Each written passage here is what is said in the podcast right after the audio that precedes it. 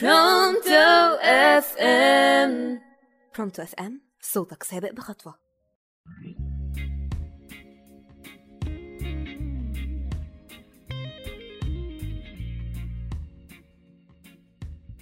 أهلا بيكم.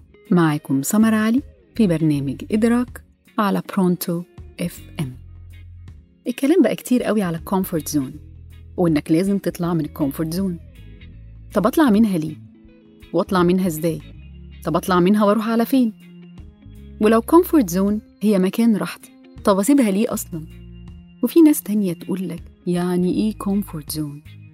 خليني أقولك إن ال comfort zone هي المكان اللي عقلك متعود عليه أو عقلك بيألفه يعني your brain is familiar with حتى لو كان مضر أو مجهد أو متعب فبالتالي عقلك بيسألك نعمل اللي متعودين عليه حتى لو في شوية تعب ولا نعمل حاجة جديدة ما نعرفهاش حتى لو فيها راحتي العقل بيختار اللي متعود عليه وبيشوف إن التغيير متعب وبيشوف إن التغيير صعب.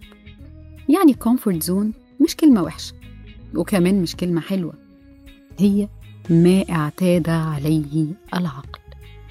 يعني لو واقع عليك ضرر مادي أو نفسي معنوي أو أي نوع من الأضرار يبقى لازم تسعى للتغيير والخروج من ال comfort zone لكن بقى لو انت مرتاح هتخرج منها ليه؟ ملوش لزوم الخروج. خليك مرتاح. طب الخروج من ال comfort zone بيبقى إزاي؟ ما ينفعش تبقى ما بتعرفش تعوم وآجي أرميك في النيل فجأة من غير ما أدربك. يعني إيه؟ يعني كل حاجة بتحصل. لازم تاخد وقت وتكون بالتدريج. لما تيجي تقوم بتغيير في حياتك لازم تعدي على حاجة اسمها stretching زون حاجة كده زي الأستك. خطوات بسيطة تتعود عليها الأول وبعدين تزودها شوية وتتعود على الزيادة اللي عملتها وكمان تزود تاني وتتعود تاني لحد ما توصل لهدفك.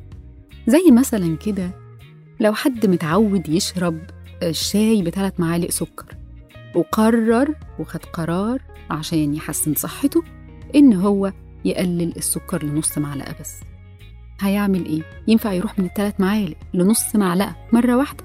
لا لازم يعدي على معلقتين سكر الأول وبعدين يتعود عليهم وبعدين يقلل مرة تانية ويروح لمعلقة واحدة سكر وبعدين يتعود عليها لحد في الآخر ما يوصل لهدفه ويتعود عليه ويبقى هو ده ال lifestyle بتاعته يبقى هو ده العادي بتاعه هو ده بالظبط ال stretching zone أو الكف التدريجي يعني نبطل بالراحة دمتم في رعاية الله.